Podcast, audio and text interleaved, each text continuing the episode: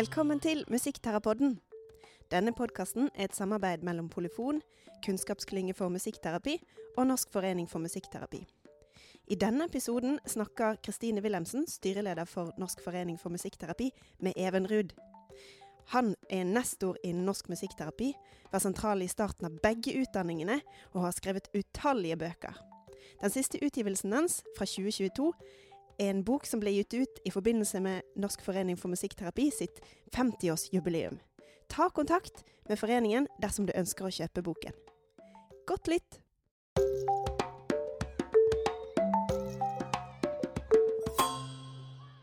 Velkommen, Even Ruud, til Musikkterapodden. Jo, takk for det. Det var hyggelig, hyggelig å få lov å ytre seg. Ja. Nå står lefsene på bordet, og vi er klar til pod. Skal ikke spise så mye mens vi snakker, men eh, Nei, det er ikke så lurt. Nei. Men det var veldig trivelig at du ville være med og spille inn. Eh, og snakke litt om eh, din vei i musikkterapiens verden. Ja, det er jo ikke så ofte at jeg snakker om fortida på den måten. Altså, det er jo ting som skjedde veldig lenge siden. Og det er over 50 år siden faktisk at jeg kom inn i musikkterapien. Ja. Ja, det må bli 55, faktisk. ja, det er mange år. Mye innhold. Ja, det er det. Når du ser på, ser på CV-en, så er det jo en del, del ting. Jeg tror jeg telte opp Jeg hadde skrevet 25 bøker her om dagen, så jeg tenkte jeg nå var kanskje på tide å gi seg litt. Skal ikke si det. Eh, Den siste boken din var jo, eh, var jo en eh, 'Profesjon blir til', som var et sånt jubileumsutgave av eh, tidsskriftet Musikkterapi, som ble Ja. til en bok. Ja, det ble det. Så vi skal Ja. komme litt inn på den også Mm. seinere i dag. Ja da, det er fint. Men um, jeg har lyst til at vi skal begynne i dag med å snakke litt om kanskje din vei inn i Mm. musikken, eller hvordan du oppdaget musikken. Ja, det, det er jo litt spesielt, da, for jeg kom, jo, jeg kom jo fra arbeiderklassen her på Kampen i Oslo, østkanten. Det var jo ikke noe musikkmiljø rundt meg. Så det var vel eh, Jeg tror nok historien er, er rett og slett sånn at eh, faren min og moren min da, de ville vel at jeg skulle få lov å realisere noen av de, deres drømmer, altså om å ta utdanning. Da. For det hadde ikke de anledning til. De var, kom fra veldig små kår. Det var husmann og ja, fra bondegården. Moren min hadde mange søsken, og ingen hadde ikke råd til å sende de til utdanning. Så når de, jeg kom, så, så tenkte jeg vel at jeg kanskje var, eh, ville gjerne at jeg skulle bli ja, lege, tror jeg faren min ville, og så moren min mente jeg skulle bli prest. Og Det er litt morsomt, fordi at jeg har jo senere skrevet at eh, musikkterapeut er jo en blanding av en lege og en prest ikke sant? I, i, i visse, i visse samfunn. ikke sant? Ja, absolutt. Så da kjøpte de et piano. Og så ja, Det er et sånt Brødrene Hals. Jeg tror de kosta 1400 kroner. Sånn husker man jo. Det var ganske mye, for faren min hadde jo spart i mange år til å kjøpe moped. Så husker jeg, så prioriterte han piano. da.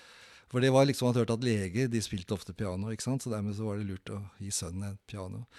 Og litt morsomme er jo det at jeg vokste opp like ved Kampens Park. eh, Og når vi fikk det pianoet, så var det én i gata som kunne spille piano. Og det er han Egil Nordli, som jeg skrev om i Musikkterapi for Ja, for en stund siden. Så han bodde på den andre sida av gata. Han var jo sånn vidunderbarn. Ja. Så han spilte jo eh, flott klaverkonserter og alt mulig rart. Så han var en liten gutt.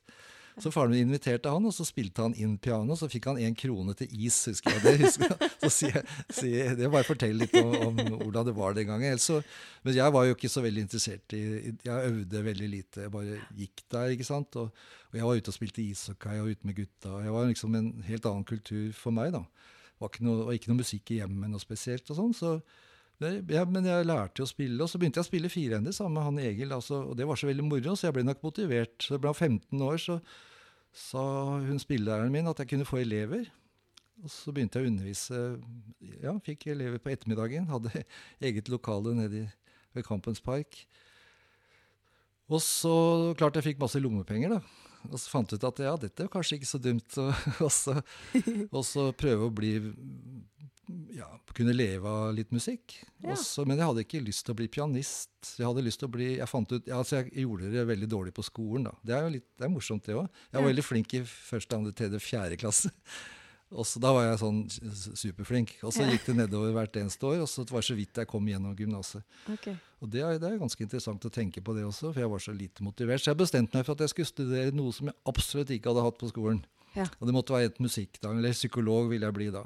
Mm. Så jeg bestemte meg for det. Jeg begynte å studere psykologi også, men jeg også, tenkte jeg på å bli pianolærer, for da kan jeg finansiere et studie i psykologi.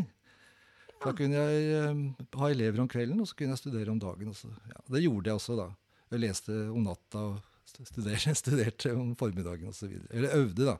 Mm. Øvde fire-fem timer hver dag, ikke sant, piano, for jeg var ganske høye krav. Mm.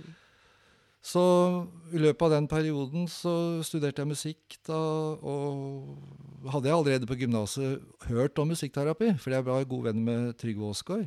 Ja. Og Trygve og jeg har kjent hverandre helt siden, eh, siden gymnastiden. Han, og til og med, det gikk jo så langt at han, når Trygve gifta seg, så gifta jeg meg med søsteren til Trygve, søsteren til kona til Trygve. Så vi, vi har vært både svogere og kollegaer og venner i veldig mange år. Men han, han hadde hørt om musikkterapi gjennom ja, på en eller annen måte gjennom antroposofene. Trygve er kan jo ha hørt om så mye, han kan jo være så vidt orientert. Så han fortalte om det, og det tror jeg tente noe i meg også. Mm. At jeg kanskje kunne kombinere det med psykologi og musikk.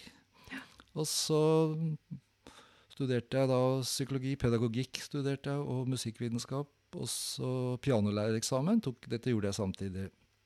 Og da på en eller annen måte så, så når jeg ble motivert, så lærte jeg nok ganske fort, og det gikk ganske greit, egentlig. Sånn at eh, jeg, Så skulle Trygve og Unni reiste jo til Guildhall til London. Mm. De, fordi tra de traff hverandre på musikkstudiet på Blindern, og vi ble godt kjent hverandre alle tre. Og, men så sa pianolæreren min at nei, du får ikke lov å reise før du har tatt eksamen, mente han da, som pianolærer. Så jeg, jeg gjorde ikke det, da. Og så reiste Trygve og, og min svigerinne, og så syntes vel Trygve ikke det var så veldig bra, så han reiste videre til Skottland. Så, så de anbefalte meg ikke å dra til London. Ja. Og I mellomtiden så fikk jeg kontakt med en amerikansk musikkterapeut som het Donald Michel, som var professor i Florida. Og jeg vel inviterte han til Norge, fordi vi var litt opptatt av den gangen å, å starte en musikkterapiutdanning på Barrat Dues musikkinstitutt. ja. Fordi Stefan Barrat Due var veldig interessert i det. Og så hadde de en lærer der, Ruth Sommerfeld Jacobsen, som var veldig, eh, altså underviste de som skulle bli musikkbarnehagelærere, som det het den Mm. gangen. Og hun er også veldig opptatt av musikkterapi. sånn at uh, Stefan Barrat Due og ville gjerne ha en utdanning som bygget på, på denne musikkbarnehagelærerutdanninga. Så det gikk så langt at vi søkte Sosialdepartementet og fikk veldig sånn god omtale. Mm. Men så fant vi ut at jeg hadde ikke noen lærere, og vi hadde ikke noe ja. Mm. Og så kom, eh, inviterte denne amerikanske professoren, da, som vi ikke kjente. Han kom, han var veldig hyggelig. og og så tenkte jeg ok, kanskje jeg skal reise til Florida State University til Florida og studere. Og så, og så mm, så gjorde jeg det, da. Og da, da tok jeg lån i Lånekassa. Fikk, det var ikke så lett, det er, det er folk ikke tenker på i dag. Jeg hadde jo så vidt, Det var ikke så lett å gå til banken for eksempel, og, og få lån. Nei. Så jeg hadde ikke noe penger. Så at, eh, men rektor på Eidtvet musikkonservatorium han gikk og snakka med banksjefen, og så sa han at han, ja, han Ruud, han, han kan du stole på. Ja. Så jeg går god for han. Og så, og så sa ja, du skal få lov få låne penger, husker jeg banken sa. Men da må du leie ut leiligheten din, for jeg hadde kjøpt meg en liten toromsleilighet på Romsås. Ja. Det var, det var ikke dyrt den gangen. vet du. Jeg betalte husleie, eller innskudd var 7500. ja Så det, var, det gikk an å kjøpe leilighet den gangen. ikke sant? Det var i Obos. Sånn at jeg leide bort eh, leiligheten til banken, og så dro jeg til USA. så, Hvil, hvilket år var det du reiste? dette var vel i fra, kan 71, var det da. Ja. Mm. Da hadde jeg tatt en såkalt Can Mag-eksamen. Jeg var pianolærer. Mm. Sånn at jeg fikk eh, lov til å være såkalt special student, men så sa Lånekassa den gangen, for jeg måtte jo ha lån nå, eh, at jeg måtte ta en mastergrad hvis jeg skulle få lån. Så, Ja. så jeg gjorde det, da. Så det, da jeg kom tilbake, eller mens jeg var i USA, så opprettet de jo denne musikkterapiforeningen. For Unni hadde jo kommet tilbake til eh, Oslo, ikke sant? og hun Mm. jo, var jo en del av det miljøet med disse eldre damene, som vi sa, på musikk, som var musikkterapeuter, da, kan vi si, eller musikkpedagoger som jobba med barn med funksjonsnedsettelser. Så i juni så startet jo denne foreningen. Da satt jeg i, i, i Tallahassee i Florida Ja. og, og var på vei hjem egentlig, kanskje like etterpå. Mm. Så var jeg hjemme et år. Det var det året jeg var hjemme da. Det var det året hvor Norther Robbins uh, hadde dette lange kurset sitt på, Ja, ute på Emma Hjort. Ja. Som også Tom og Unni var med på. Mm. Og da hadde jeg også veldig lyst til å være med, men så hadde jeg, da, jeg hadde kommet inn på psykologistudiet. Og Ja. det var ikke så lett å, å komme inn, inn på det. Det var, det var en karaktergrense. Ja. Og da, Jeg husker også den eksamen jeg tok i psykologi. for jeg, jeg jo, gjorde jo alt mulig rart på en gang, så jeg fikk jo ikke så spesielt gode karakterer. Men så husker jeg til muntlig så, sa, så svarte jeg vel for så vidt ganske greit. Og så sa de nei, jeg tror du egner deg som psykolog, sa de. Så jeg tror Ja. vi slipper deg gjennom. Så det skal være litt sånn morsomt. Så jeg hadde, fikk vel en 2-5 da, tenker jeg. Det var, det var grensen den gangen. Ja, nettopp. Men så, sånn at da syns jeg måtte følge opp musikkpsykologistudiet, da, for med Mm. statistikkurs og masse styr og greier. Så, Ja. så dette, nå er vi jo i det året da hvor Nordic Robins var her, så reiste Unni og Tom videre med den til London, og jeg, jeg ble jeg fikk en jobb ja, da, Nå begynte vi å nærme oss den tida jeg fikk barn. ikke sant? Jeg måtte ha, tjene mer. Mm. Og så hadde jeg gifta meg, og så fikk jeg jo jobb på Veitvet musikkonservatorium som, Ja. som lektor i musikkhistorie. Ja. Og underviste i psykologi og, og, og musikkhistorie og pedagogikk ja, på Veitvet. på Veitvet. Og så ble jeg overført til Manglerud videregående, var lektor i musikkorientering i noen år. Ja, Det er også musikkhistorie, da. Ja, Og da underviste jeg musikkhistorie. Bare det. Det var veldig morsomt. Og så, men så sa skolesjefen en gang at jeg kunne ikke få fast ansettelse hvis jeg ikke hadde hovedfag i musikkvitenskap. Oh, ja. Så tok jeg det, da, på, på kvelden. Ja. så, så, men så ble det ledig stilling på Veitvet, og det er litt viktig den historisk sett, fordi det ble ledig stilling som lektor i musikkpedagogikk. ja. Og den fikk jeg da. Og så det er jo, Den historien er jo sånn da at eh, det var i 1977, seks, ja, jeg begynte der. Og så fikk jo konservatoriet da masse penger fra staten, fordi det var oljepenger som kom inn, og alle såkalt distriktskonservatoriene. Og det var jo, da, da hadde jo Veitvet blitt et Østlandets musikkonservatorium. Så det var liksom distriktskonservatorium, så fikk de masse penger. 150 000, tror jeg det var. Mm. Det var mye den gangen, og da sa Per Selberg, som var rektor, som også var veldig, veldig interessert i musikkterapi, og veldig hyggelig og forståelsesfull, Mm. fantastisk fyr, og en som het Ellef Nesheim også, som var eh, undervisningsleder. Hus- må nevne det. De støtta det, så sa, så sa hva skal jeg gjøre med alle disse pengene? sa husker jeg Per sa. Det er ikke, dette er faktisk sant, altså, det er ikke noe myte. Så gikk jeg bak han, vi var på vei til lærerværelset. Det er jo ikke noe problem, så jeg kan jo ikke bare starte musikkterapiutdanning. Altså. Ja. Og dette var da i 77-78. Og da hadde jo Musikkhøgskolen fått tilbudet. Ja. Om, for det hadde jo da Tom Ness og jeg hadde jo vært med i en komité på Musikkhøgskolen i noen år, eller ett år. Så vi reiste jo rundt i Europa og så studerte musikkterapiutdanninger sammen med Harald Jørgensen, som var jo senere ble rektor for Musikkhøgskolen. fordi Mm. Musikkhøgskolen var jo virkelig interessert i å starte den gangen. Men så fikk ikke de penger av departementet. Og den gangen så var jo Musikkhøgskolen ganske ny, sånn at de hadde jo mange ting de måtte prioritere. Det forstår vi jo etterpå, at det, det var mye musikkutdanning som, som Mm. de måtte prioritere. Så musikkterapi var ikke, ble ikke prioritert. Så, men så, ok, så fikk vi avslag fra høyskolen. Så, så, så, så kom jo disse pengene. Så sa jo Selva ja, vi starter den. Ja. Og så snudde jeg meg rundt og så skrev jeg planer, da. For det, det har vi vært gode på, liksom å bruke, bruke Satt oppe hele natta, jeg skrev ny fagplan.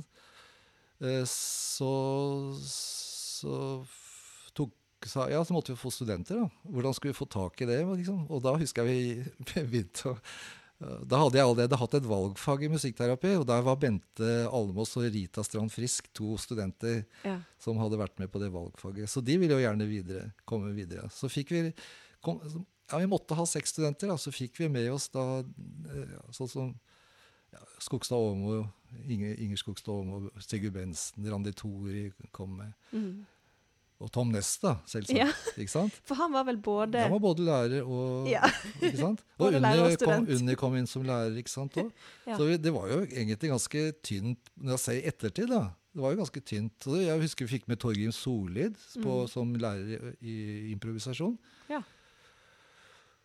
Så vi, vi- ja, vi, vi, det, og det var veldig, vi var veldig sånn eh, idealistiske. Da. Vi hadde veldig tett forhold til, til studentene. Det var jo ikke så veldig stor aldersforskjell heller, så vi Mm. var jo det var veldig demokratisk styrte.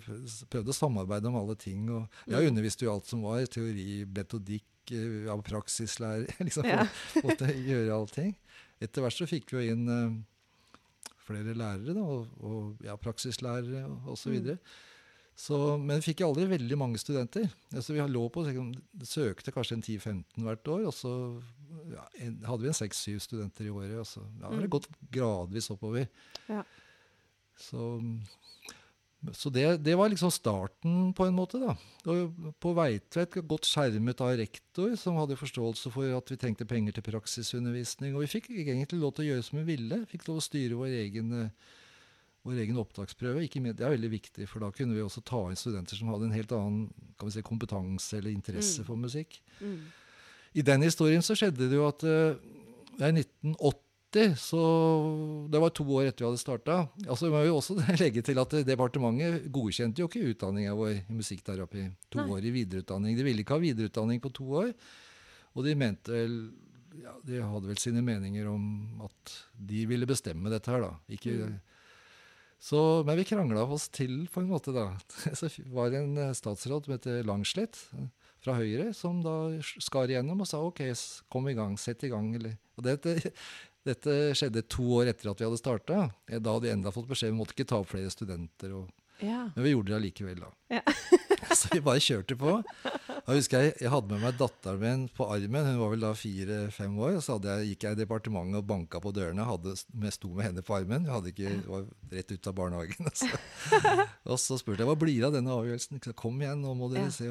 Ja, vi virkelig sto på. Og så, men det gikk det jo igjennom, da. Mm. 1980 så ville denne rektor Selberg han ville trekke seg litt tilbake, så da ble jeg valgt til rektor for Østlandets musikkonservatorium. ja.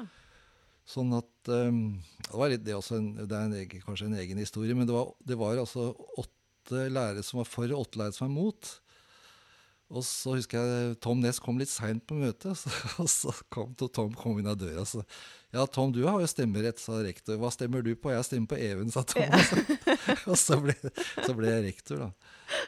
I, i, Grevens tid. ja, det var det. Nei, Så det var jeg da i to år, sånn såkalt fungerende rektor. Mm. Og da, klart, da har jeg med all, all mulig makt, for å si det sånn. Jeg kunne jo, kunne jo da beskytte musikkterapiutdanninga veldig i de Mm. åra. Så den var ikke truet på den måten. Mm. Og så skjedde med meg, som Det som skjedde med meg da, var vel at jeg fikk et tilbud fra Jon Ruar Bjørkvold om å søke stilling som am førsteamanuensis på Ja. universitetet. For Bjørkvold ville gjerne undervise barn, og så kunne jeg undervise ungdom og, og rock. Ja, populærmusikk.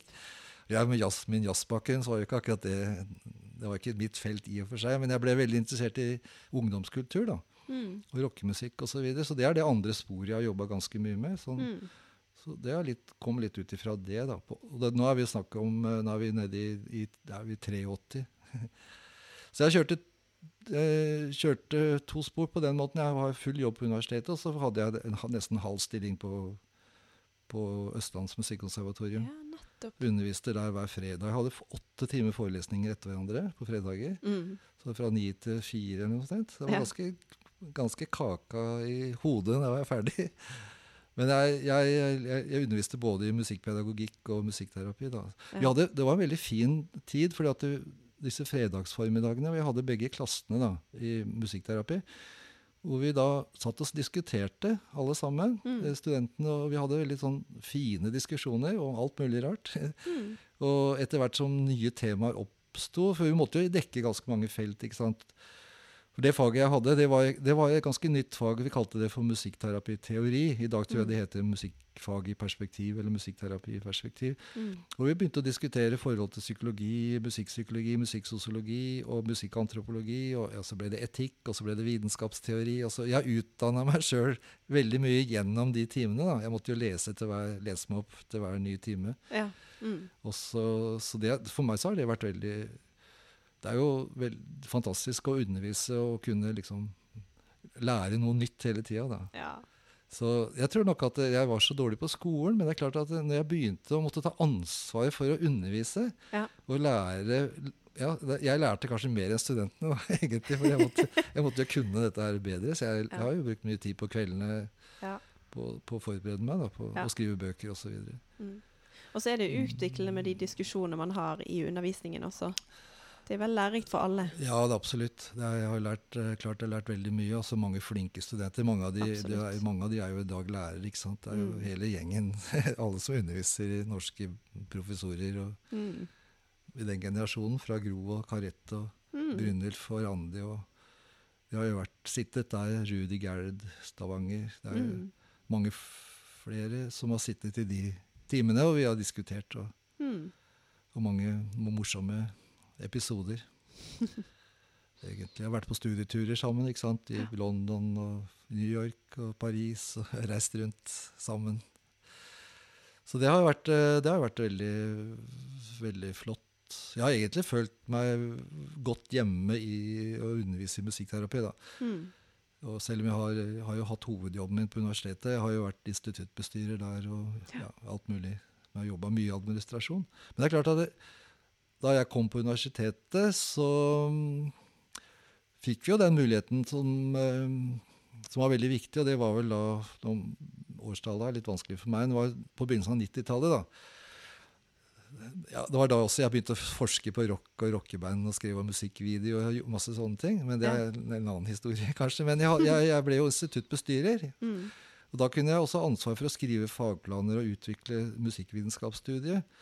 Og da skrev jeg da en, et forslag til en fagplaner i, hvor man kunne dele musikkvitenskapen inn i forskjellige områder. Mm. Slik at du kunne spesialisere deg f.eks. i satslære eller i spill kanskje litt mer. Eller du kunne ta musikkhistorie som en fordypning. Og så tok jeg og laget en fordypning i musikkterapi. Mm. Og da, siden jeg var bestyrer, så klarte jeg altså å vite hvor pengene lå. Så jeg husker vi fikk 200 000, tror jeg, av fakultetet så til å styrke undervisningen. Og da kunne vi invitere Altså fikk vi opprette studiet da, i hovedfag, og fikk 20 studenter.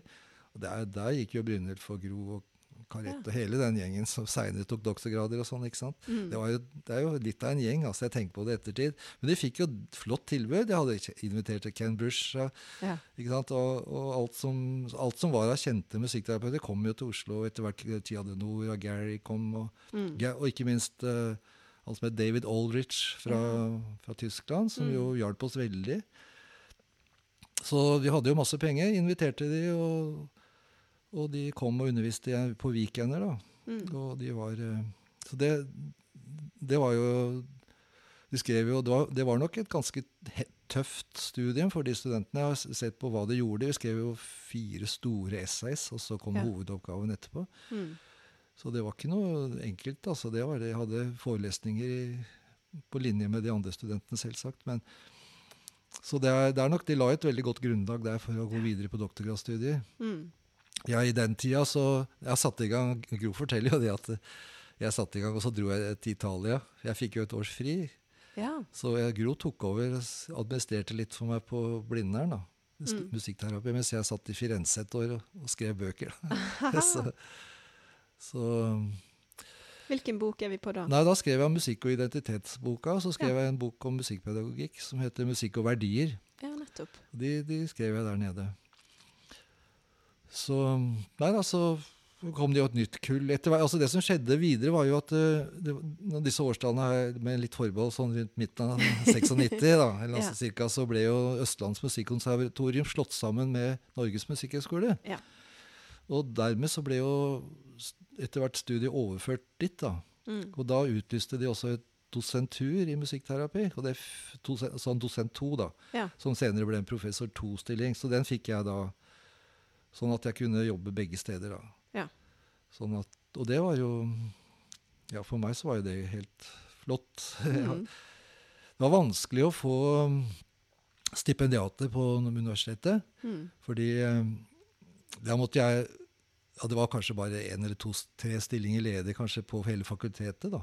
Mm. Altså hele humanistisk fakultet. Ja. Og så skulle alle fagene slåss om disse stakkars stillingene. Og så, hvis musikk fikk en, så måtte jeg, jeg slåss mot alle de andre på instituttet ikke sant, med musikkhistorie. Og det var jo nesten det var så å si umulig å få, få, få stipendiatstillinger. Mm. Så vi klarte å få en stilling til Brynjulf Stige. Ja. Var, da måtte de bare gi seg, for han hadde allerede publisert så mye.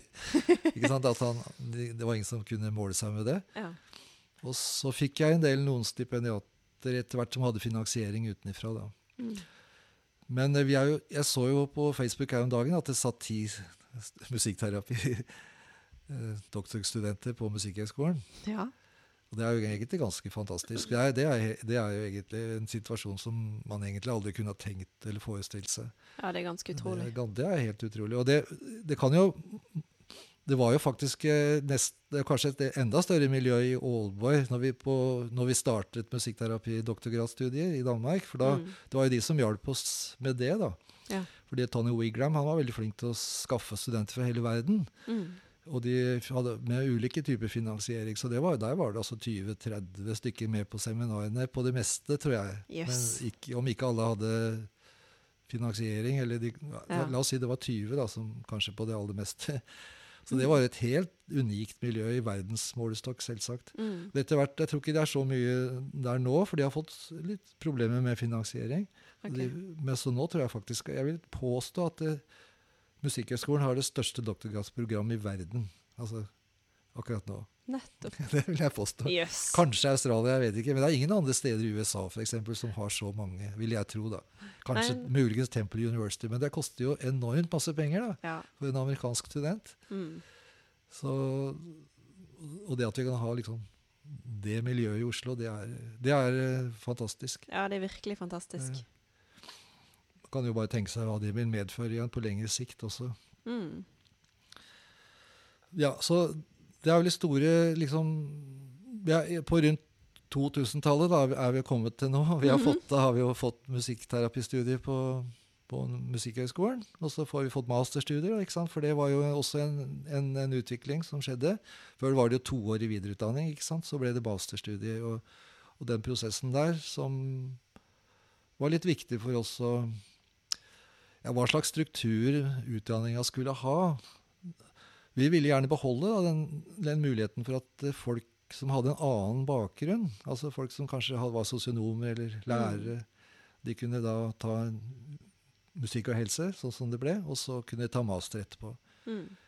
Mens i Bergen er det jo femårig integrert, da, med muligheter for å kanskje komme inn i studiet men på andre trinn. Men øh, jeg synes alltid den, at vi har to modeller, syns jeg alltid har vært veldig fint. Og jeg synes det er, ja, det er jo en styrke at du kan få litt eldre studenter inn i studiet, og, og studenter med litt annen bakgrunn. Mm. Så det, jeg håper at den modellen kan holde, holde seg, egentlig. Det, mm. Jeg tror det er en fordel.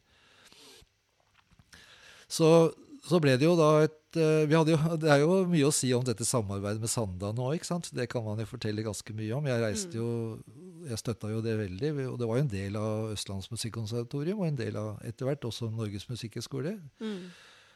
Men uh, det er klart at med Brynjulf og Randi og den gjengen der, så, så, var jo de veldig sterke og flinke. Sånn at uh, de vokste ut på en måte av Sandane ja, ja. Og, og, Høgskolen i Sogn og Fjordane. De sa jo det at når Brynjulf og Randi flytta fra høyskolen, altså høyskoleutdanninga på Sandane, så sank jo forskningsproduksjonen ja. ned til null omtrent. For det var Brunhild for hadde jo skrevet så mye. Så det, var, så det var et savn. Men det gikk jo. Og da når de kom til Bergen, så er det klart da hadde vi fått to utdanninger som var helt selvstendige. Da, da de, mm. hadde jo ikke de noe mer med Musikkhøgskolen å gjøre. Så da, mm. og det er den situasjonen vi har hatt siden da. Ja. Men jeg trakk meg jo mer ut av undervisningen sånn et, Jeg husker ikke akkurat når det var, men jeg ble litt sliten av alle disse refusjonene. Alle disse fagplanene. Det skulle være stadig, det skulle være tilpasninger til det reglementet, og det skulle skrives på den måten. Og til slutt så mm. hadde jeg det ganske langt oppi halsen. Ja. så jeg fortsatte vel å undervise en del år, men, eh, og det er jeg veldig glad i å gjøre. men... Eh, mm. Jeg, hadde jo, jo, jeg kan jo kanskje si det sånn at jeg fikk veldig mange doktorgradsstudenter ja, etter hvert. Ja. Ja, så det ble jo mer av det. Jeg har jo hatt 20 doktorgradsstudenter som har fullført doktorgraden, og det, det tar ganske mye tid. da. Det var mm. mange år, særlig på 2000-tallet. Brukte veldig mye tid på å lese avhandlinger og, og veilede. Mm. Så jeg tror nok jeg ser tilbake at uh, det gikk med en del energi i den tida til det, da. Mm.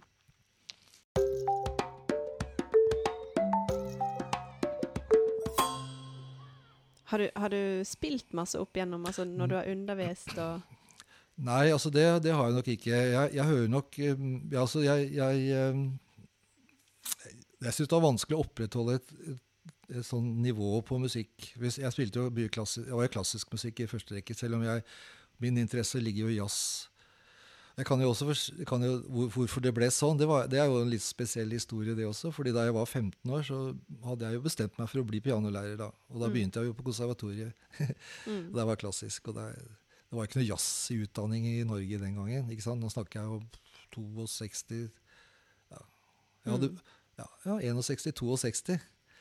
Og det var en kveld jeg gikk hjem, hadde vært på konservatoriet, gikk gjennom Kampens Park. Jeg var jo 14-15 år. Så var det to gutter som kom bort til meg og spurte om jeg ville spille jazzband.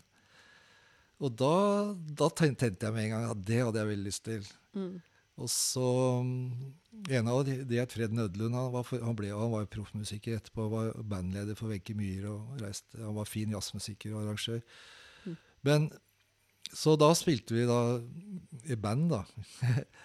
og det passa veldig godt med den identiteten som jeg da er i ferd med å forme. ikke sant? Fordi jeg kom fra arbeiderklassen og hadde ikke lyst, hadde lyst på en utdanning. Visste, vi visste jo ikke helt hva vi ville bli, men det var liksom Hvis du drev med jazz den gangen, så var du ofte student, eller du kom kanskje fra den andre siden av byen, da, liksom, og det hadde passa liksom mer med akademia og, og den type. For da, jeg hadde jo da begynt å lese eksistensialisme, jeg leste romaner. Jeg var liksom opp, veldig opptatt av Edvard Munch, for jeg bodde jo like ved Munch-museet. Eller jeg Ja. gikk jo på Val gymnas, som var ved siden av eller, Jeg gikk gjennom Munch-museet på vei til skolen, da. Nettopp. Eller vei hjem. Så jeg hadde jo allerede begynt å forme en identitet som var på en måte vei og ut av arbeiderklassen. Mm. Og det Ja, så, sånn at eh, Det med jazz passa veldig godt.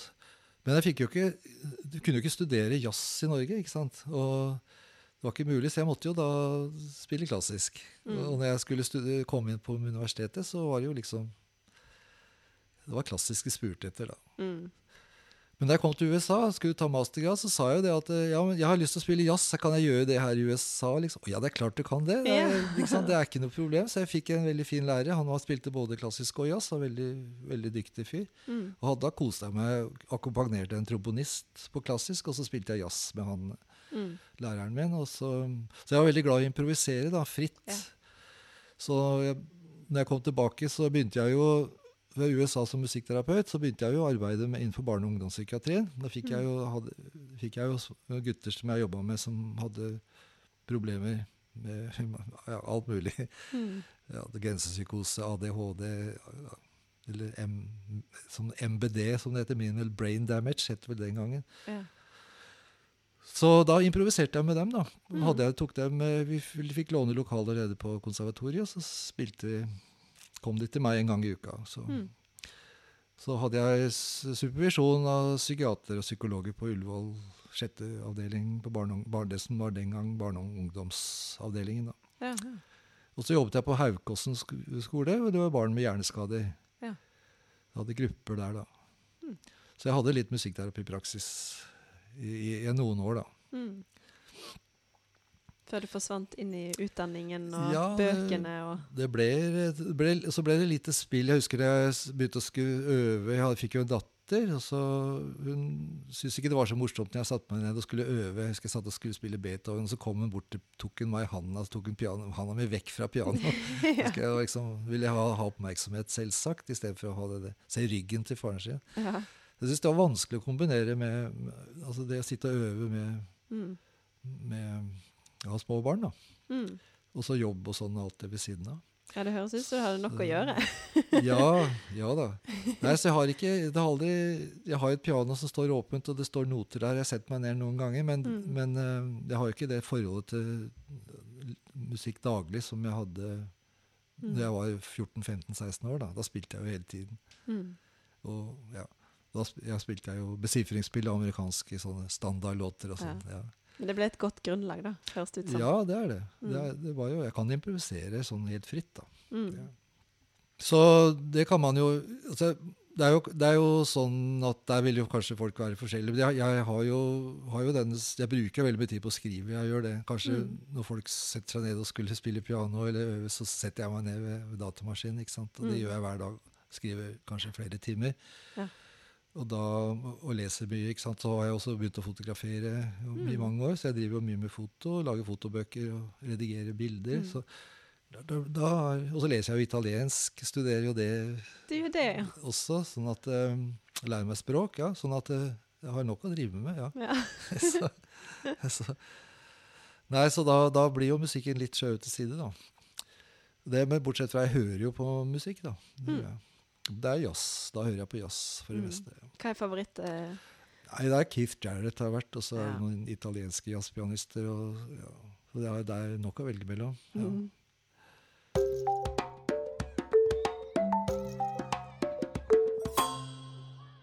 Det, var, det, var jo, det var jo ganske interessant å komme til USA, da. For det, jeg trodde jo f.eks. Jeg hadde en sånn forestilling om at eh, ja, i USA så visste alle hva musikkterapi er. liksom.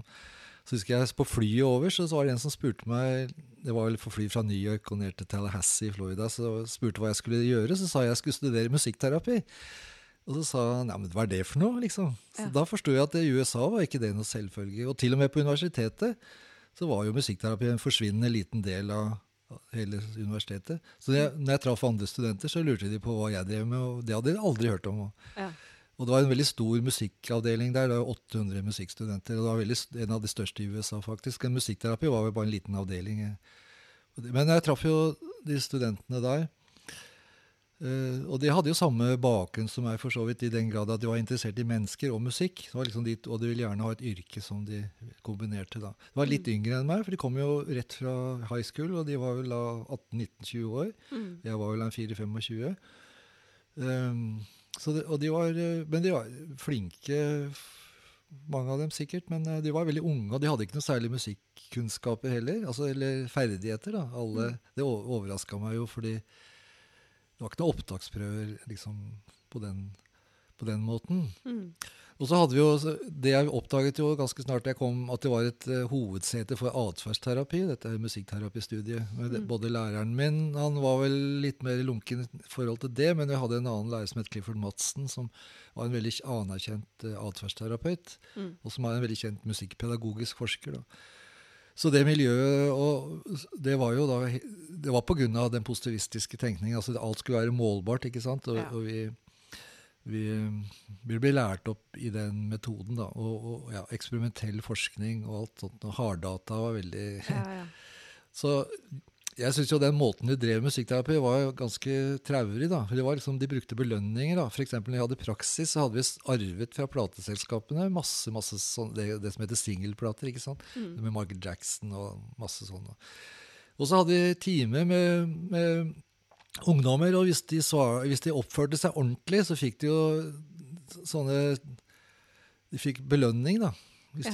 og så kunne de veksle de belønningene inn i plater Okay. Singelplater. Og det, det var liksom musikkterapi, da. Og det Ja. dette her er helt og det, altså Jeg syns jo det var helt bak mål, egentlig. altså, Veldig mekanisk. ja, veldig mekanisk og veldig lite musikalsk, for å si det sånn. Ja, da. For jeg hadde jo da kommet fra Nordoff Robins. ikke sant? Jeg hadde jo blitt kjent med dem og gått på noen kurs med dem. Og, Ja. og, og likte veldig godt improvisasjon. Og jeg syns jo dette Det var Det klasja jo helt. Og det, jeg så også at eh, min, min lærer er Donald Michel, han har skrevet en veldig negativ kritikk av den boka til Nordoff Robbins som het 'Music Therapy in Special Education'. Han mente at det var ikke vitenskapelig nok, liksom, og den type Ja, ja. så det var, jeg var litt på kant med miljøet, da. Både politisk og vitenskapsteoretisk. Selv om jeg ikke jeg hadde jo ikke så mye forståelse av musikk, av vitenskapsteori og sånne ting. Men jeg, jeg, jeg likte meg rett og slett ikke i, den, Mm. i det miljøet. Så jeg bestemte meg for egentlig Jeg hadde praksis der. Jeg hadde veldig, Det kunne jeg skrevet en bok om alle de opplevelsene der. Men, men, men eh, jeg måtte, måtte pendle til Georgia hver dag. altså staten, Oi. Jeg måtte krysse staten over til Thomas Will State Hospital, husker jeg. Ja. Fikk kjøre med noen sykepleiere hver eneste dag. Det er en merkelig praksis. Da, da, det var veldig mye teori i den praksisen også, så jeg måtte lese masse, hadde masse kontortid der. Så da tenkte, satt jeg og tegna da hvor en norsk framtidig musikkterapiutdanning skulle være. Og det skulle være absolutt ikke sånn som det var i USA. Ja. så, og så, og det, det tok jeg med meg hjem, da. ja. Lære hvordan man ikke skal gjøre Ja, det. riktig. riktig ja. Mm. For jeg tenkte at det tross alt Det er kanskje greit å få den mastergraden, ikke sant? Og, uten, Mm. ikke bryte av studiet selv om du er misfornøyd. Men, så jeg dro jo tilbake sommeren etter og fullt, fullførte praksisen min. Jeg måtte ha et halvt års praksis. Mm. Og jeg fullførte masteroppgaven også. Alt, alt gikk jo greit, men, men Yes, det, det som var morsomt, var at den masteroppgaven min, 'Music Therapy and its Relationship to Current Treatment Theories', den ble jo utgitt etterpå som bok. Og så ble den oversatt til japansk og tysk og Yes, spansk ja. og portugisisk. sånn at det, da ble jeg veldig kjent internasjonalt. Fordi at jeg hadde på en måte satt musikkterapien i kart på kart i forhold til andre behandlingsideologier. Det var ingen, det var ingen som egentlig hadde tenkt på den måten. Slik at eh, Ja, den mener jeg var på pensum når jeg studerte. ja, det det er mulig. Jeg har i hvert fall lest den, Ja da, den er jo litt utdatert nå. Men, eh, men ideen var jo Det var jo Jeg ville vise på en måte at eh, ja, Du kan jo tenke deg sånn at eh, situasjonen da på 70-tallet var vel at musikkterapi eksisterte jo i veldig mange land, men det var ingen som snakket med hverandre. Alle Mm. hadde sine kan du si, konger, presidenter. Ja. Altså hadde veldig mye enevelde, da. Og de hørte ikke så veldig mye på hverandre. ikke sant? Jeg kan, Ja. og det var flinke folk, pionerer, karismatiske folk. Men de, liksom, det var veldig ute etter å promotere sin egen greie. Mm. Og, så jeg kjente jo alle, alle disse her. Jeg jo, hadde jo et utrolig stort nettverk pga. den boka, antagelig. Og fordi jeg, ja, jeg had, reiste jo mye på studieturer. og Mm. Så jeg har jo et ganske Og den gangen skrev man ikke e-post, man skrev brev. Så jeg har jo Ja. to fulle permer med brev fra alt som er av musikkterapeuter. Ja. Mary Priestley, Juliette Walwyn, Eschen ja. ja. Så det er litt morsomt. Jeg tenkte jeg skulle rydde opp i det en dag og så se og lese. Men, men med det at ikke de, de liksom ikke tenk, de tenkte Var det psykoanalytiker, så var det liksom psykoanalytisk musikkterapeut og, du, og, og så videre. Nordoff og Robbins de ble jeg også godt kjent med. og De leste Jeg husker jeg ga masteroppgaven min til, til Nordoff og Robbins. Da husker jeg De bodde ute på Bygdøy der, hadde lånt en villa der. Eh, Da husker jeg Clive måtte ut på kjøkkenet og lage mat. Det var han som gjorde det. Og så, og så husker jeg Paul han, han fikk boka. Antakelig så leste Clive den òg, men Paul var han jeg snakka med. liksom. Mm. Det var litt, litt sånn, Han var vel han som var en dominant i det forholdet. Så husker jeg, det, Uka etter jeg kom tilbake, så sa, sa Paul at han likte ikke det. Den, den, det der syntes han ikke var noe særlig. Bortsett fra, Det var ikke så gærent at jeg skrev om han og forbindelse med humanistisk psykologi, men altså det å skrive om atferdsterapi og sånn, det mente han det var helt Det var ikke noe man skulle gjøre. Ja, nettopp. Så, så han, eh, men han likte godt den ideen om det transcendentale egoet som jeg hadde skrevet om. altså en filosofi, den, den, den kjøpte han da. Ja. En annen gang husker jeg var hjemme hos meg. Vi bodde på Romsås. Og Da satt vi og diskuterte rundt bordet. Vi hadde kjøkken, et sånt salongbord der, husker jeg. Så vi satt rundt i stua og diskuterte. Og da sa jeg da at når vi skal ha utdanning i Norge, så skal alle studentene lære litt om alt, sa jeg. De skal lære litt om atferdsterapi, og de skal lære litt om humanistisk psykologi. Og, da ble Pål så forbanna, så han løfta opp hele bordet. Husker jeg, så det bare raste av bordet. Han, ville, han ble rasende, han ville ikke høre på at liksom, atferdsterapi. Det skal ingen vite noe om, liksom. Ja. Så det var, han, han var heftig, han altså. Ja. Sterke meninger. sterke meninger, og han var jo kar karismatisk. Og han kom jo tilbake. Jeg ble aldri uvenner med han. Jeg lånte Ja. han bøker, og han leste Ronald Lang, antipsykiatribøker, husker jeg han leste. Og like før han døde, så var han hjemme hos oss. og husker han kilte datteren min under føttene, for han mente at da ville hun reinkarnere raskere. Det var en halvannet år, da. Oi. Og da ville sjelen komme raskere. Han var jo antroposof. Ja. Hadde mye rare ideer, vet men de er ikke skrevet om. Ja. Han sa mye rart. Ja. Så det er ting som ikke er skrevet ned, og som, som Tom kan jo enda mer om dette her enn det jeg kan. Og Unni ikke minst hadde veldig godt forhold til Paul. Mm.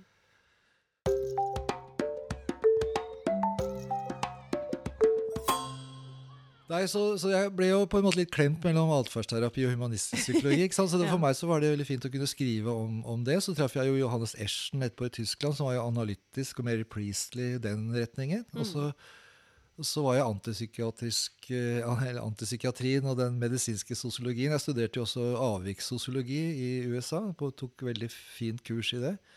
Og det, har jeg, det er veldig, sånn, veldig nyttig i dag, da, for det, det handler om traume, altså hvordan man kan stigmatisere folk og, og gi dem syke roller osv. Det har jeg alltid hatt med meg.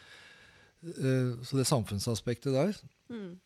Så ja, det var jo, jo Det som var fint med studiet studie i USA, det var jo at i, du kunne velge studiepoeng som ikke var musikk. da. Jeg hadde frie studiepoeng, så jeg valgte jo religionshistorie, jeg valgte sosiologi osv. Og, så videre, og spesialpedagogikk. Jeg kunne plukke et visst antall studiepoeng. Mm.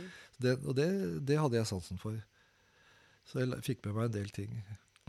Jeg gikk også en veldig flink eh, religionshistoriker og studerte Freud. Ja. Det, var, det er sånt man ikke kan, ofte ikke kunne gjøre i Norge da, på den Ja. gangen. Nei.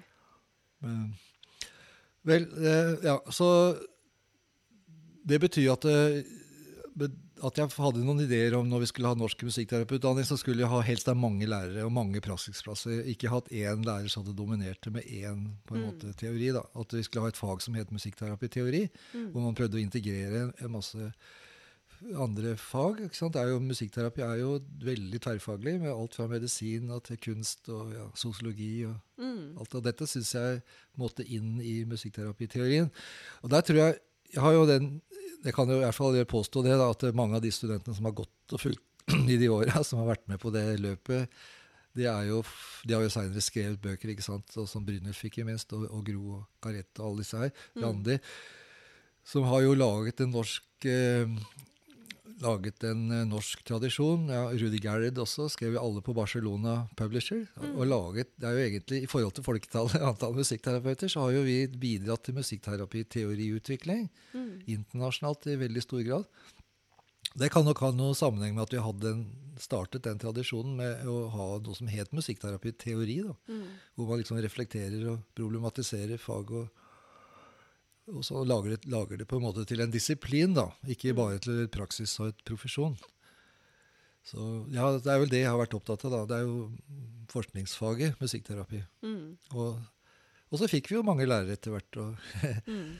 praksislærere og praksisplasser, forskjellige Men så, ja, så vi har jo Fikk vi jo mer det vi kalte for en mer humanistisk og en samfunnsterapeutisk forankring òg, da. Så, Mm. så vi har jo fått eh, Vi har fått en litt annen tradisjon da i Norge enn i andre land, eller i USA, da. Mm. Det er veldig interessant å høre om denne historien, hvordan den har blitt til, og dere som startet studiene, hva dere har tenkt, og du- at du sier det at vi skulle ha eh, innslag fra alle forskjellige typer teorier og bakgrunn, så, så gir det veldig mening med sånn som det har blitt. Ja, jeg tror det, at det er en fordel å altså Vi blir jo eklektiske, da, men jeg har jo sett det verste eksempelet. er Liksom, folk har lært seg la oss si, psykoanalyse, da, og så har de brukt det på alt de har jobba med. altså Mm. Barn med funksjonsnedsettelser, hjerneskader. Blir Mm. liksom møtt med psykoanalytisk teori. Det, er liksom, det, på, det har jeg sett på en konferanse en gang. Mm. Man, Du har en hammer, og så skal du bruke den som en, det eneste verktøyet Ja. du har. liksom. Da, da tenker jeg at vi, vi må være veldig flinke til å tilpasse måten vi jobber på i forhold til de menneskene vi jobber med, og hvilke problemer de har osv. Så, videre. Mm. så må huske på også det at når jeg kom hjem fra USA, som, som hadde lært mye om atferdsterapi, så, så, så var det jo et kjempeskandale som skjedde, det, det som het Gro-saken. Altså Hvor det var en jente som hadde blitt lagt i gulvet og straffa eh, gjennom, med, med velsignelse av atferdsterapien oppe i Trøndelag. Og det var Arne Skouen, som var journalist i Dagbladet. Mm. Han hadde jo da tatt tak i den saken. og Forsida på Dagbladet den dagen var like stor som den dagen det var krig i Israel. Altså Det var Mm. de største krigstypene. Og så Det var ikke rom for engang å nevne atferdsterapi i den, i den, eh, selv om han hadde ønsket det. da. Mm. Så det var ikke noe vei for musikkterapien heller. Det var ikke det vi ønsket, men det var liksom, i tillegg så kom jo Arne Skouen med det. Mm. Arne Skouen var jo for så vidt veldig hyggelig og støtta jo musikkterapien, så han skrev om meg i Dagbladet en gang. At, eh, jeg husker ikke akkurat året nå, men han skrev han hadde en ytring i Dagbladet hver dag. Han skrev om alle mulige typer av problemer, eller samfunnsproblemer, eller ja, aktuell, aktuelle ting. En dag så jeg åpna Dagbladet, så sto det Even Ruud stod det øverst. Jeg Hva i all verden er det, liksom? Jeg kjente jo ikke Arne Skouen. Så viste det seg at kona til Arne Skouen, altså Kari Skouen, som da seinere ble musikkterapeut Hun, og Det er altså moren til Synne Skouen. Og, og, og, og Synneskauen, altså datteren, hadde jo reist til Wien i sin tid for å studere musikkterapi. Men under påskudd av å studere musikkterapi Hun ville jo bli komponist, og det ble hun jo. Men Arne Skauen og Kari de, de støtta jo oss. Og så skrev jo, tok jeg kontakt med Arne Skauen, så skrev jo han forord i boka mi som er kommet på Gyllendal. Mm. Vet du hva, hva er musikkterapi? 1980. Og det var en veldig viktig allianse, for han hadde jo vært stått i spissen for det som het rettferd for de handikappede, så han, han hadde veldig stor troverdighet. Jeg vet ikke om Arne Skouen er kjent i dag, men han var jo han filmregissør også i første rekke. Han ble jo nominert til Oscar sant, for Ni liv, den filmen, og var veldig Ja. kjent. Skrev, laget masse filmer, skrev masse bøker. Ja. Og, og da, etter hvert så ble han da journalist i, i Dagbladet. Det er sånne ting som man snakket Jeg har diskutert ganske mye nå med Inge Lill Berger, som skriver om profesjonsutvikling. Fordi at Vi har liksom stiller oss det spørsmålet hvordan kunne vi få til det med den profesjonen Mm. musikkterapi? Hvordan ble det profesjonen, liksom? Ja. Og Det er jo det jeg har skrevet om i denne boka som kom ut nå, jubileumsboka. Og det som slo meg da, det var jo at jeg i grunnen aldri hadde tenkt over det. Jeg hadde liksom, jeg har sett at musikkterapi har blitt en profesjon uten å tenke hva er en profesjon? Ja. Liksom? Og hvordan blir man det, liksom? Mm. Og så, og så hørte jeg at Inger Lill Berger hadde, Eide hadde, hadde studert profesjonssosiologi litt på høyskolen og skrev doktorgrad om det. Jeg kjente ikke så godt til det, så jeg tenkte hvorfor det, liksom? tenkte jeg med en gang. Mm. Hva er det for noe? Og så, når jeg da kom i gang med det, begynte å lese profesjonssosiologi, så forsto jeg jo at her, dette var jo faktisk ganske interessant. Mm. At her hadde vi verdens beste case, egentlig. På 50 år har vi klart å bygge Eller ble det en profesjon? Hvordan, Ja. hvor, hvordan ble det det? Så når da jeg fikk spørsmål fra foreningen da, om jeg kunne være med og skrive, eller være redaktør for et sånt jubileumstidsskrift, Mm. så satte jeg meg vel ned og tenkte hva, hva, hva, hva handler dette om? Liksom. Ja. Og så fikk jeg en sånn matrise som datt ned i hodet på meg. at Det, ja, det handler jo om Det var jo historikken til foreningen, hvordan ble dannet. Den handler jo om hvordan, hva som skjedde da. og alle, hva slags paragrafer, hva slags målsettinger hadde vi? Hvem var det som var med å styre i alle disse årene? ikke sant? Hvem Ja. er det, som har, det er en kjempedugnad, Mm. egentlig. Det er jo det er det det er i første rekke. Virkelig. Og, ja, og så tenkte jeg utdanninga den er jo veldig viktig for å bli en profesjon. Du må ha en organisasjon, det hadde vi. Vi må ha en utdanning. Det er veldig viktig Hvis du skal være profesjon, så må du ha et kunnskapsgrunnlag, og du må ha en utdanning. Og Det er kanskje noe av det aller viktigste. Og så må du ha forskning, ikke sant, som, Mm. som følger naturlig. Men så må du også da formidle dette faget, ikke sant? og du må ha en praksis, roller. Veldig viktig. Mange forskjellige typer roller. Eh, nå tenkte jeg ja, jeg må jo skrive om alle disse forskjellige praksisene. Da. Eller hvem, hvis jeg skal være redaktør, så må jeg jo sette ut alle disse tingene. Da. Ikke sant? Så tenkte jeg at det blir jo mye arbeid for meg som skal sitte og styre alle, alle disse. Tenk, da tenkte jeg dette kan jeg like godt gjøre sjøl. Ja, for jeg har jo litt erfaring med å være redaktør for antologier og sånn, og det, jeg syns ikke det er noe morsomt. Altså, for å være helt ærlig, så syns jeg det, det er mye arbeid. Ja, for dette, vi begynte jo, eh, som, som du sa, med at, å, å tenke at vi skulle gi ut et, et jubileumsutgave Mm. av tidsskriftet. Ja, Jeg tror det var på møte to eller tre du sa jeg tror det blir en bok. ja. ja. For, hvordan gikk du Mm. frem? Nei, altså, jeg, Det jeg fant ut, var at eh, jeg har jo en kilde, en kilde som er veldig god, og det er jo alle musikkterapibladene. For jeg, jeg var jo redaktør allerede fra de første bladene, og så har jeg vært inne noen ganger, og så har jeg jo sett jo, jeg hadde jo alle bladene oppi hylla, Ja. bortsett fra noen få som jeg klarte å skaffe meg. Så jeg hadde jo komplett dette her foran meg. Så tenkte jeg ok, da kan jeg lese alle sammen. Det var 150 ca. ja. Så, så jeg eh, gjorde det, da. Satt meg hver, hver morgen, tok meg en kopp kaffe, og så leste jeg et par-tre blader. Og så gikk, merket jeg meg hva, jeg, hva som ble ta, omtalt i de bladene, og så skrev jeg det inn i det kapitlet som jeg tenkte det skulle handle om. da. Ja. Så det var jo en utfordring det å flytte stoffet fra bladet over i riktig kapittel, kan du si. Og så lage en slags kronologi. Ja. Liksom, når kom rocken inn i musikkterapien? ikke sant? Ja, ja, er jo Magne Hesla skrev visstnok en, en rockearrangement Jeg husker ikke når det var, på 80-tallet eller sånn. Tony Wahlberg var jo rockemusiker ja. midten av 80-tallet og skrev låter publisert i blad. Og, og vi, han var jo kjent som rockemusiker òg.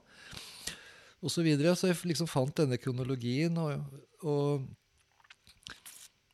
Så det bala på seg, rett og slett. Mm. Tenkte jeg, jeg kanskje, Dette blir jo 100 sider, tenkte jeg. ja. Så tenkte jeg nei, det må i hvert fall ikke bli mer enn 150. ja. Og så vokste det og vokste, og så ble det jo 300 sider. Ja. Og så jeg, jeg blir nok sånn at jeg, jeg ble liksom jeg gikk inn i en boble, og så det var jo sånn til slutt at jeg følte at den boka skrev meg. da. Det, Ja. det er en veldig rar opplevelse. Du føler at det, ja, du blir liksom du, du, du må bare fullføre det som du har satt i gang. ja. Så du er på en slags sånn bølge som gjør at du plutselig en dag så stiger at ok, nå er nå er du ferdig. Ja. Så, så jeg, jeg måtte jo da skrive om, eh, ja, om utdanninga, om, om foreningen som alle disse lederne i foreningen som jeg har hatt. Det var veldig morsomt. Og, og det kommer jo alle minnene tilbake òg. Vi har jo vært med mer eller mindre hele tiden. Alle, alle disse referatene som, eh, fra praksis som folk har skrevet opp gjennom åra. Mm. Så tenkte jeg at jeg måtte kanskje lage Finne noen studenter som, eh, som hadde en veldig spesiell praksis. Da fant jeg Marte Noer, som jeg hadde akkurat hadde veileda på, på masteroppgaven. Mm. Hun har jo en, en, en enestående eh, kan si, praksis, da, med all, vært innom alt som er i musikkterapien omtrent. Alle roller og, og praksisformer. Så fikk jeg, skrev jeg ganske mye med begynte jeg hadde jo sam, samarbeide med henne om det. Så sendte jeg ut en masse mail. da. Folk kunne Mm. supplere. Ja, så var alle instrumentene og musikken måtte jeg jo skrive om. ikke sant? Og alle, all forskningen, alle doktorgradene og ja, helt tatt om Gamut og Polyfon og Krema, alle disse institusjonene. Som egentlig ikke er en del av foreningens historie, men som på en måte springer ut av, av foreningen. Altså det, ble, det var litt vanskelig å lage en sånn avgrensning. Hva er egentlig Norsk forening for musikkterapis rolle oppi dette her? Ja. Jo, det er jo særlig det som går på, på å organisere og samle folk. ikke sant? Nettsidene, firepartssamarbeidet. ikke sant? Det er det, Mm. det, er det som holder, holder Lager etisk standard. liksom. Mm. Og, for det er sånn i en profesjon at det, det, er ingen andre enn oss selv som på en måte kan ta ansvaret for den faglige biten av det. Er, det, er, det er noe som altså, Samfunnet kan regulere med lover hvem som skal være musikkterapeuter, sånn som Helsedirektoratet har gjort med sine retningslinjer. Men det er vi som på en måte må overvåke at vi har en standard, en etisk standard, og gjør tingene på en riktig måte. Så jeg kunne tenke meg gjerne at man har en etisk komité i foreningen etter hvert. Det kan jo Ja. plutselig oppstå en dag at det er noen som gjør et, et overtramp, f.eks. Eller at Ja. de begynner en praksis som vi ikke kanskje kan stå inne for. Jeg mener Hvis folk begynner å tukle med tibetanske boller og snakker om sjakraer og kaller seg musikkterapeuter, Mm. og går helt over i New Age, så tenker jeg at det er ikke så bra. Det gikk, det, altså, da blir det litt sånn uh, Durek uh, Mm.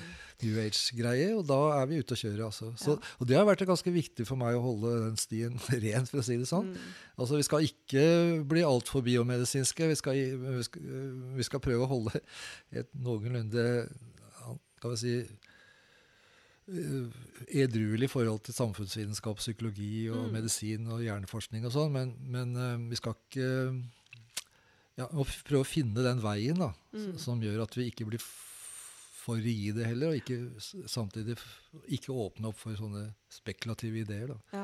Det er veldig interessant det du er inne på der, det at vi, mm. vi må sjøl må sette standarden, og Mm, vi ja, sjøl som profesjon har utviklet yrkesetiske retningslinjer. ja. Og, men vi har jo heller ikke noe Mm. organ, som du påpeker, for å sjekke at de overholdes, da, Nei, de retningslinjene. nei. Så det Nå var det f.eks. en, veldig fin masteroppgave i Bergen, en som skrev om musikkterapiens problemer i forhold til sosiale medier nå, for det er så mange, Ja. mange som publiserer musikkterapi. Også pasientene, da, ja. klientene, legger ut ting på nett osv. Vi har fått en ny situasjon Ja. på det, så det, sånne ting er viktig å, å ha, ha, ha en diskusjon om. da. ja. Det. Og derfor så var det det kapitlet jeg faktisk skrev først, det er kanskje det som mange syns var det mest interessante. Og det er jo det som handler om verdier og debatter opp gjennom årene. Mm. For det viser jo at vi har, har ikke vært enige om alle ting. Og det har ikke vært en sånn veldig uvennskapelig tone, men det har vært ganske harde opplysende og gode debatter om, om f.eks. evidensbasert tenkning, og om, om eh, ja, kanskje litt om, sam, om metodikk, hva er det for noe, samfunnsmusikkterapi. Altså, Det har Mm. vært en del sånne eh, ganske fine debatter som da har klargjort verdigrunnlaget vårt. og ja, Mm. Vi har klart å utfordre hverandre også. ja, til en viss grad har jeg gjort det, også uten å bli uvenner, for å si det sånn. Det, Ja. det har i grunnen vært, litt, vært lite konflikt i norsk musikkterapi. Altså, det Mm. det. Vi har vært veldig heldige sånn sett. Mm. Men vi hører jo om andre land hvor det fins oh, ja, ja. ja. utallige musikkterapiforeninger som krangler og slåss. Ja, ja. slåss. tror Tom sier det er over 50 ja, i Spania. Ja. Men du vet, disse landene har jo sånn som Spania har jo 40-50 millioner mennesker. ikke sant? Det er Mm. klart at det er Galicia, hvor jeg har vært, eh, der, der er de mange, mye større enn Norge. ikke sant? Så jeg kan Mm. godt forstå at de vil ha sin egen forening. altså det... Men i det øyeblikket de skal velge delegater da, til European Music Therapy Committee, så, Ja. så er det vanskelig. Da har de et problem. Ja. Ja, ja. Nei, vi er heldige som er noenlunde enige, og at vi kan utfordre andre med vennskapelig tone og utvikle faget videre gjennom diskusjon og drøfting og refleksjon. ja.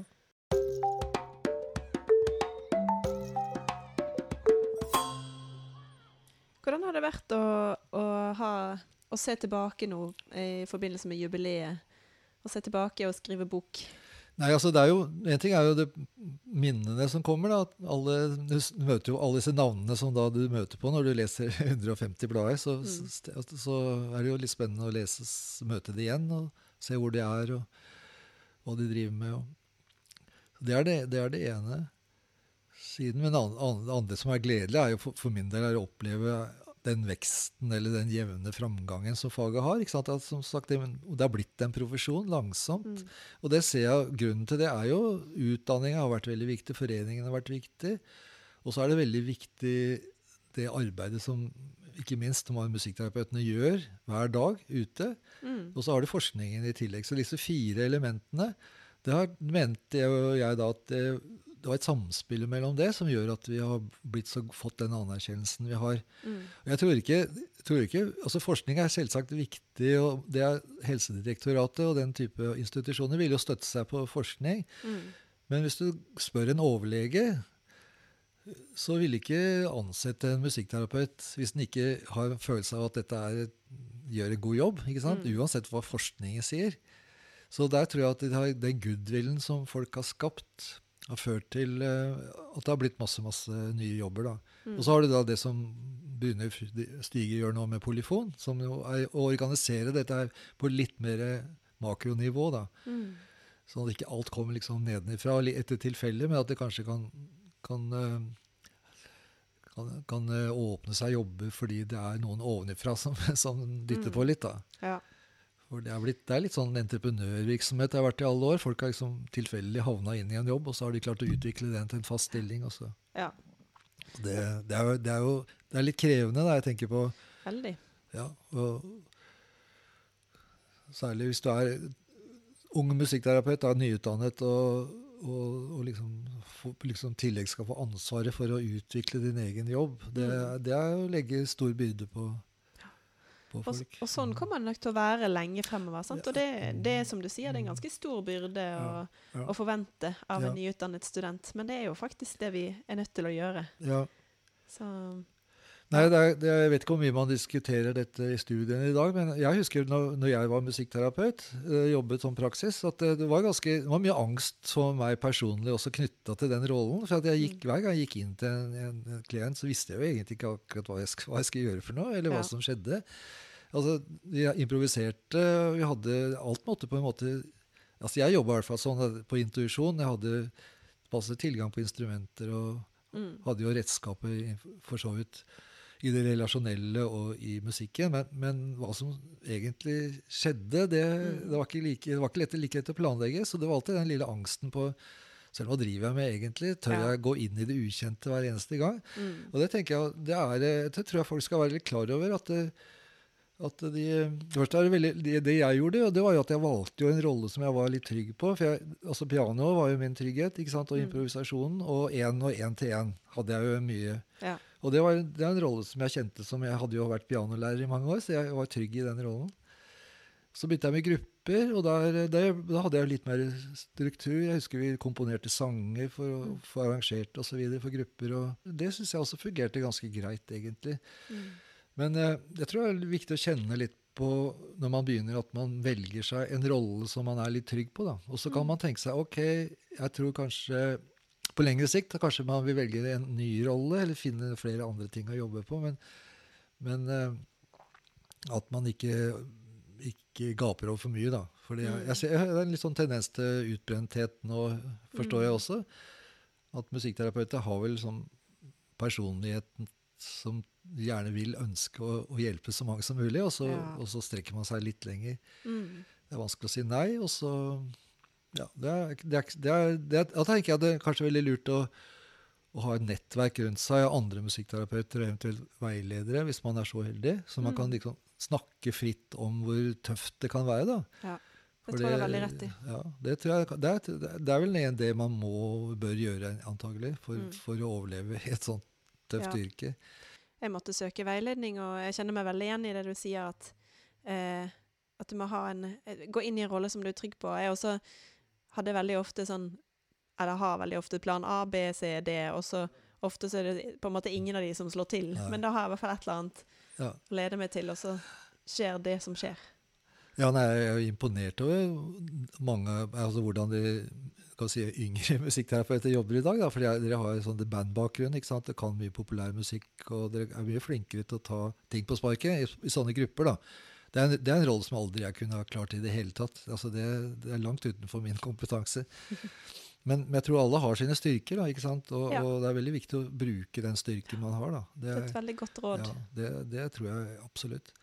Jeg tok også gymutdanning. da. Altså, ja, og det, å jobbe som, som, som guided imagery og and music var, Da var jeg jo oppe i 50-årsalderen, og da var jo det en veldig fin måte å liksom komme tilbake til musikken på. Da følte ja. jeg at nå fikk jeg et annet et, og veldig dypt forhold til ja, særlig klassisk musikk, da, som man brukte, bruker mye i gym. Mm. Så det var sånn egen, nesten som en selvterapeutisk eh, reise. Eh, for de har jo veldig mye egen, egenterapi. da. Jeg husker jeg gikk, jeg reiste jo til Stockholm og, og hadde, var en psykoanalytiker som også var musikkterapeut, som, som, som jeg gikk hos i mange år. Mm. Og så hadde sterke opplevelser av, av musikken der. Det er mange ting man kan gjøre i løpet av livet. da. Mm. Og, og, som musikkterapeut så er det som er utfordringen, er at du trenger å utvikle deg musikalsk eller holde deg ved live. ikke sant? Du må holde litt følge med hva som skjer på sjanger osv. Men så må du også lese litteratur. ikke sant? Du må følge med på forskning i musikkterapi. Og så er det så mange ting. ikke sant? Alt om hjerneforskning, det er psykologi, og det er ja, filosofi, vitenskapsteori det det er, jo det mest spennende faget i hele verden, egentlig. Mm, ja. Det kombinerer altså kunst og, og, vitenskap, og innenfor vitenskapen samfunnsvitenskap og naturvitenskap. Ja. Liksom alt, alt, er med i dette bildet. Så det, kan, det, finnes vel ikke andre tenker jeg, yrker som har det spennet og den, ja, den utfordringen da, som det ligger i det. Og hvis man er nysgjerrig, så har man jo noe å drive med resten av livet. Det er Absolutt. helt sikkert.